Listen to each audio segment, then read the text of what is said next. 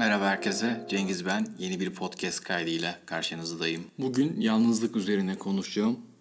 Ee, belki 14 Şubat'ta konuşsaydım bu konu daha ilgi çekici olabilirdi ama e, ben şimdi konuşmak istedim. Umarım keyifli olur. Ne kadar keyifli olur bilmiyorum ama yalnızlık konuşmaya çalışacağım. Ama öncesinde yalnızlıkla ilgili ya da yalnızlık hissiyle ilgili yazdığım bir şiirimsi yazıyı size okuyacağım. Bir edebiyat katliamı yaptıysam özür dilerim. Sadece kendim ne hissettim, kendim neler yazdım. Bunu sizinle paylaşmak istedim. Mesela şu anda gömleğimin yarısı giyinik durumda.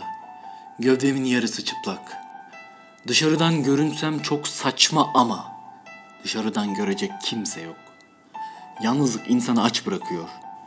Bir ekmek çok gelir, bitiremem diye ekmek almıyorsun mesela. Hele de ekmeksiz bir şey yiyemeyen gillerdenseniz. Öyleyse bir çorbacıya gideyim diyorsun. Hiçbir zaman istediğin yere oturamıyorsun. Çünkü bütün güzel masalar en az dört kişilik. Sen tek gidince sırf bir masa daha olsun diye, boş durmasın diye mühendisin çizdiği o büyük kolonun köşesine oturuyorsun. Sonra garson geliyor önüne servis açıyor ve hep aynı soru. Birisi daha gelecek mi? Bazen içimden bilmiyorum. Cidden sence de birisi gelecek mi demek geliyor. Aman sus. Yalnızlığımız belli olmasın. Hayır ben bir mercimek, bir de ıslak mendil alayım. Garson gelene kadar insanları izliyorsun. Tuhaf bir şekilde yalnız değiller. Bazıları gülüyor. Bazıları sadece yemeğini yiyor. Bazısı iki çay diyor. Bazısı içinden hesabı kim ödeyecek acaba diye geçiriyor. Emin olduğum bir şey var. Hesabı hep ben ödüyorum. Eve geliyorsun. Saat önemli değil. Kapı arkadan zincirli midir endişen hiç olmuyor. Anahtarını kaybetme korkun oluyor sadece. Sen açamazsan kim açacak kapıyı sana? Tuvalete gidiyorsun. Çay içmelerden çişin gelmiş. Tuvaletin kapısını kapatmıyorsun. Tuhaf bir alışkanlık yapıyor bu sende. Telefonuna bakıyorsun. İhtiyacın olmadığını düşünerek yanında taşımadığın telefona. Eskisi gibi reklam mesajı da çok gelmiyor. Birkaç grup konuşması, anneden gelen bir cevapsız arama. Geç oldu diyorsun, sonra ararım. Aramıyorsun. Günde 2-3 kez şarj ettiğin, bununla şarjı ne çabuk bitiyor diye mızmızlandığın telefon o kadar sakin ki bu aralar. Yenisini almaktan vazgeçiyorsun. Yatağa giriyorsun öylece. Dışarıda giydiğin kıyafetlerinle pijama giyme alışkanlığın yok olup gitmiş bile. Düşünmeye başlıyorsun. Kendinle ilgili kararlar alıyorsun. Yaptığın bütün seçimlerde bire karşı sıfır oyla kazanıyorsun. Bazen çok faşizan buluyorum yalnızlığı. Hep benim dediğim oluyormuş gibi. Bazen kararsız kalıyorum. Oylam asla bitmiyor. Sonuçsuz, uykusuz geceler başlıyor. Bir oy ne kadar da önemliymiş gerçekten. Eskeza uyuyabilirsen uyuyorsun. Uyuyamazsam ne olacak ki? Belki de çocukken yapamadığın şeyleri yapmak. İstediğin saatte uyumak istiyorsun. Ama keşke saat 9'da uyuyabilseydim. Bir zil sesiyle uyanıyorsun. Kim olduğuyla ilgili hiçbir fikrin yok. Yanlış basmışlardır diyorsun. Sonra kapının açılma sesi geliyor aşağı katlardan. Amaç olmadığını, araç olduğunu anlıyorsun. Şimdi yalnızlık üzerine konuşmaya başlarsak. Ben bu tarz e, konuları konuşmadan önce her zaman etmolojik olarak araştırıyorum. Açıkçası bir kelime gerçekten yaşanmışlıktan, bir şeyin ruhundan etkilenerek ortaya çıkıyor diye inanıyorum. E, derinlemesine baktığında gerçekten e, biraz da kafa yorduğunda e, çok farklı şeyler düşünebiliyorsun. Örneğin yalnızlıkla ilgili baktığında yalnızlık yalın kökünden türüyor imiş. Yalın dediğimiz şey hani yalın ayak dediğimiz aslında bir çıplaklık sembolü. Yani yalnız olan kişi çıplak olan kişi miydi yoksa üzerine kat kat örtünen ve diğerlerinin görmediği kişi miydi? Bunun üzerine düşündüm biraz açıkçası. Ee, bu anlamda ilgimi çekti kökeni. Ee, yalnızlıkla ilgili e, çeşitli kuramlara ya da kavramlara baktığımızda ve bu açıdan incelediğimizde çok fazla, çok çeşitli şekillerde açıklamalar var. Maustakos yalnızlığı, yalnız olmak o kadar güçlü ve derin hissedilir. O kadar ürkütücü bir değişikliktir ki o anda başka bir şey algılamaya, başka bir duyguyu hissetmeye gerek yoktur şeklinde açıklıyor. Sullivan yalnızlık kişiler arası ilişkilerden kaynaklanan sorunlar nedeniyle kişiye rahatsızlık veren ve istenmeyen bir durum olarak tanımlanmaktadır diye söylüyor. Sullivan'ın açıklaması biraz daha e, psikiyatri pratiğinde herhalde daha yakın baktığımız, e, psikoterapilerde çok daha ele aldığımız bir e, kavram gibi açıklanmış. Peplo ise yalnızlığı, yalnızlık, yapayalnızlık ve tek başınalık olmak üzere üçe ayırıyor. Bu yalnızlık kelimesinin ne kadar aslında ya da yalnızlık kavramının ne kadar zengin şeyleri de barındırdığını gösteriyor. Baktığımız zaman tek başınalık kişinin kendi seçimidir ve yalnız olmadan da tek başına olmak mümkündür. Yapayalnızlık ise kişi başkalarıyla yakın ilişkilerde bulunmak istese bile bir arada olmayı reddeder. Yani bu yapa pekiştirmesi başka bir anlam katıyor. Yalnızlık ise bireyin boş vermişliği, sosyal hayattan kopması, duygusal olarak üzüntü ve sıkıntının hakim olduğu bir durumdur. Kişinin kendi tercihi değildir diye söylenmiş bir şey. Açıkçası aklıma bunları konuşurken şey geldi. E, lisede bir e, fizik öğretmeni hatırlıyorum. Okula sonradan gelmişti. Genç bir fizik hocasıydı. E, diğer hocalarla iletişiminin sınırlı olduğunu herkes fark etmişti yani biz öğrenciler en azından. Daha sonra e, belki de yalnız olana bir sempati, yalnız olanın yanında olma hissi, öğrencilik ya da çocukluk zamanında daha mı baskındı bilmiyorum ama onunla Facebook'tan arkadaş olmuştuk sınıftaki birçok insan. Ve onun o Alone in the Crowded paylaşımı hep yani yalnızlığın e, kalabalık içinde yalnızlık ya da insanların arasında dahi olunsa olunabileceğini belki de ilk orada fark etmiştim. Yani bu kişinin kendi tercihi miydi yoksa toplumun bir tercihi miydi? Bunu bilmek zor. Analitik kuramda birey e, bakım verenden ayrılarak bireyselleşmek, otonomisini kazanmak zorundadır. Yani insanoğlu doğduğunda göbek kordonu ile annesine bağlıyken kordonun kesilmesiyle annesinden ayrılmakta ve yalnızlığa ilk adımı orada, oracıkta atmaktayız. Ve bu an ölene dek hayatta devam edecektir. Bunu analitik kuramcılar ölene kadar yalnız olarak devam edecektir diye söylüyorlar. Beklentilerinin sürekli anne ya da kendisine bakım veren kişiler tarafından karşılanmasını bekleyen ve sağlıklı bir ayrılma gerçekleştirmeyen bireyler yetişkinlikte yalnızlıkla yüzleşiyor. Güven duygusundan yoksun yetişen birey sevdiği her nesneden ayrıldığında yalnızlık duygusunu yaşıyor.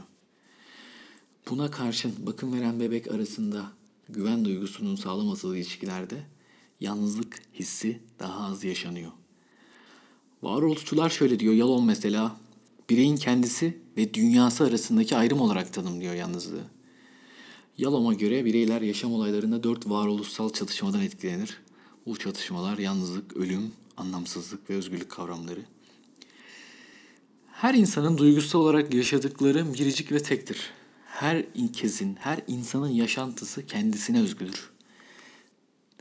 İnsanın iç dünyasını, hissettiklerini diğer bireylere tam olarak aktarması ve karşıdaki bireyin tam olarak anlaması mümkün değildir. Yani yalnızlık e, subjektif bir şey bir yandan.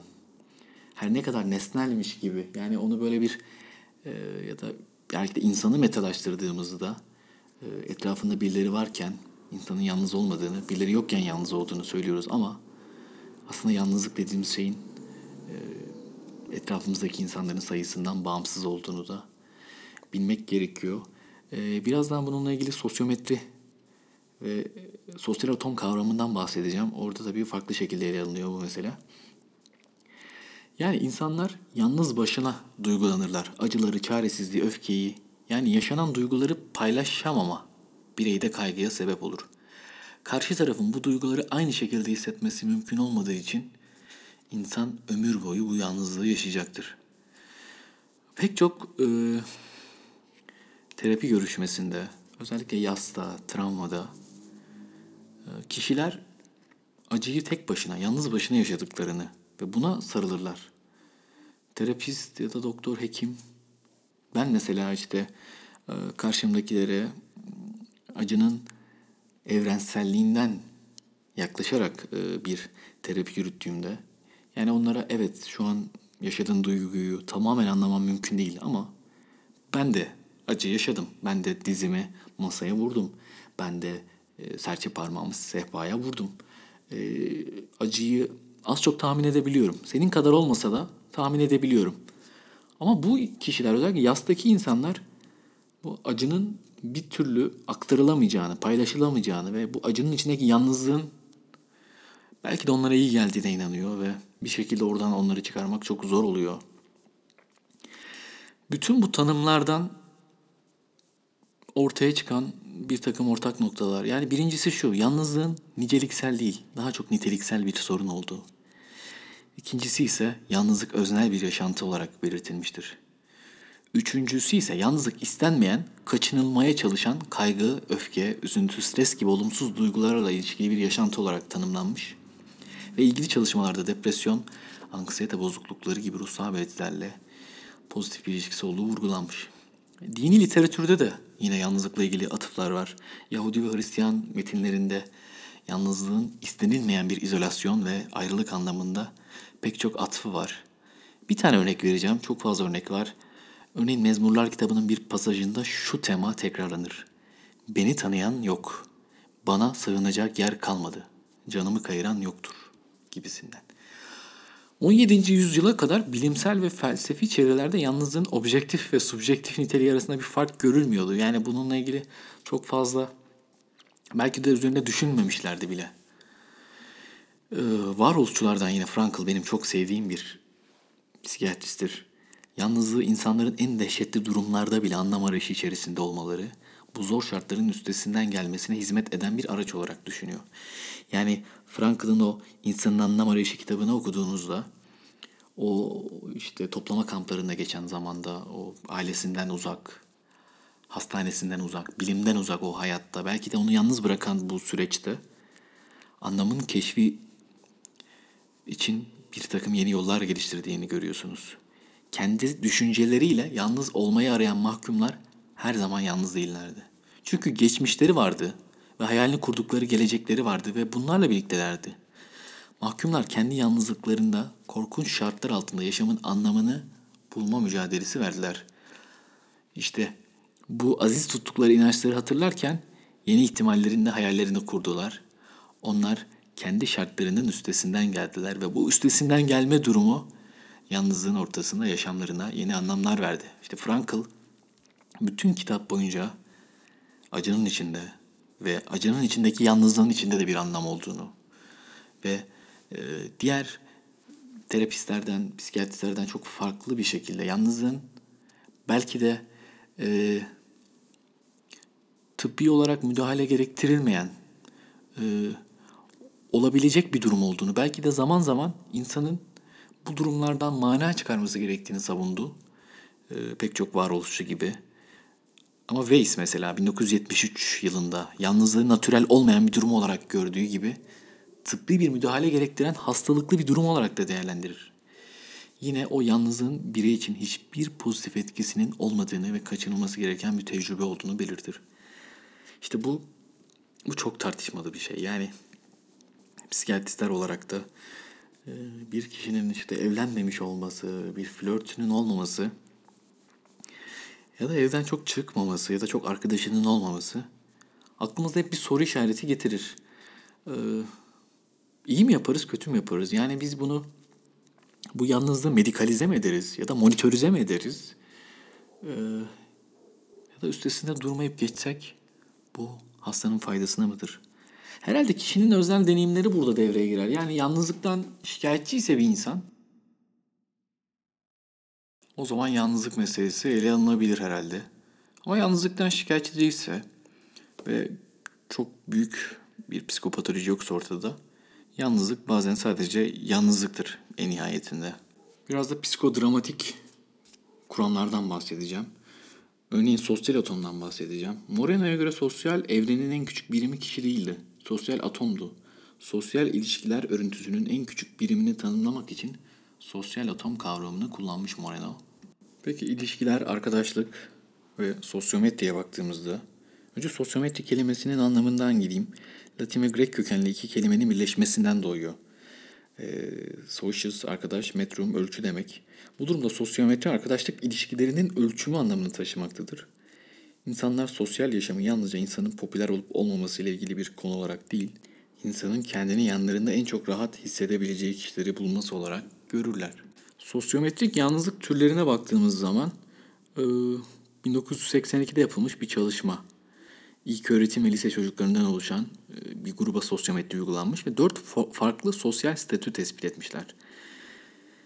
Birinci grup popüler olanlar, olumlu olarak seçilen, akranlarınca işbirliğine yatkın liderlik yeteneğine sahip, rahatsız edici davranışları çok az olanlar. İkinci grup reddedilen çocuklar, olumsuz olarak seçilen, akranlarınca rahatsız edici ve kavgadan hoşlanan olarak tanımlanan, zayıf liderlik becerileri ve işbirliği davranışı olanlar. Üçüncü grup ihmal edilenler, olumlu veya olumsuz olarak tercih edilmeyen, akranlarınca utangaç ve atılgan olmayan olarak betimlenen zayıf sosyal becerilere sahip çocuklar. Dördüncüsü dışa dönükler, özellik olarak popüler ve reddedilen çocuklara benzeyen, akranlarınca aktif ve atılgan liderler olarak tanımlanan fakat rahatsız edici istenmeyen davranışlara sahip olan insanlar diye gruplandırılmış. Yani sosyometride e, çeşitli popülasyonlarda ya da küçük gruplarda insanların birbirlerini itmesiyle ya da çekmeleriyle ya da kabulleriyle reddleriyle oluşan e, bir grup dinamiğinden yola çıkarak oluşturulmuş bir şey. E, olabildiğince bilimsel bir temele oturtmaya çalışmışlar. Aslında yalnızlıkla ilgili ölçek çalışmaları da var yaşlılarda, çocuklarda. Onların da çeşitli depresyon, anksiyete bozuklukları ile ilgili yordayıcılığı, yordayıcı olması ile ilgili pek çok çalışma var. E, yalnızlık meselesi yani ben yalnızlıkla ilgili düşündüğümde bazen yalnız olmak, yalnız kalmak ya da yalnız bırakılmak yani bu fiillerin anlamına da bakıyorum. Ee, bazen bir tercih, bazen bir tercih etmeyiş, bazen de bir tercih edilmeyişin bir sonucu olarak yalnızlık ortaya çıkabiliyor. Ee, yani kültürel olarak da yalnızlık Allah'a mahsustur diye bir sözümüz var açıkçası. Yani herhalde yalnızlığın bir yandan da e, çok normalize edilmediği bir dünyada yaşıyoruz. Ama sorduğumuzda herkes de içinde yalnız. Özellikle modern çağda işte sanal alem, plazalardaki yaşamlar. E, ama yalnızlık herhalde etrafımızdaki insan sayısıyla ölçülmüyor. Bütün bu okuduğum şeylerden onu anlıyorum. Enin sonunda bir öznel deneyim. Yani kişi çok fazla arkadaşı varken işte e, çok fazla sosyal e, imkanlara sahipken, çok fazla aktiviteye katıldığında da yalnız olabiliyor. Bunları yapmadığında da yalnız olamayabiliyor. Yalnızlığın herkesteki e, karşılığı farklı. Çok öznel bir deneyim. Ama yani şu şöyle bir şey ki yani öznellikten kastım. Yani bir insan yalnızım dediğinde hayır yalnız değilsin diyecek bir argüman bulmak zor. ama yalnız olmaması için çaba gösterebiliriz. Yani ona yalnızlık hissini yaşatan şeyleri anlayıp onun belki davranışlarını değiştirmesiyle ona yardımcı olabiliriz. Çünkü bir insan hayır yalnız değilsin bak işte arkadaşlarım var demek belli mental kapasitedeki bir insan için gerçekten e, çok hoş karşılanacak bir şey değil. Bazen yalnızım demek bir yardım çağrısı. Bazen yalnızım demek evet ben yalnızken de mutluyum bir meydan okuma belki de. Yalnızlıkla ilgili konuşacak çok fazla şey var açıkçası. Ee, ruhsal rahatsızlıkları etkisi üzerine de çok konuşabilirim ama çok e, medikalize bir podcast kaydetmek istemedim. Daha böyle dinlemediyseniz zaten şiirin olduğu, işte müziğin olduğu, daha e, kulağa belki de hoş gelen, e, herkesin üzerine düşünmesini sağlayabilecek şeyler üzerine konuşmaya çalıştım. Bu bu yılın son podcast'i. Umarım herkes yeni yıla yalnız girmek isterse yalnız girer. Yalnız girmek istemezse yalnız girmez. Ve her kimse yaşadığımız o öznel yalnızlık hissini e, ve bizi rahatsız eden o hisleri bir tarafa koyup arkadaşlarımıza, ailemize, dostlarımıza, hayatımızda ne varsa ona sarılarak geçireceğimiz bir yıl geçiririz. Herkese mutlu yıllar.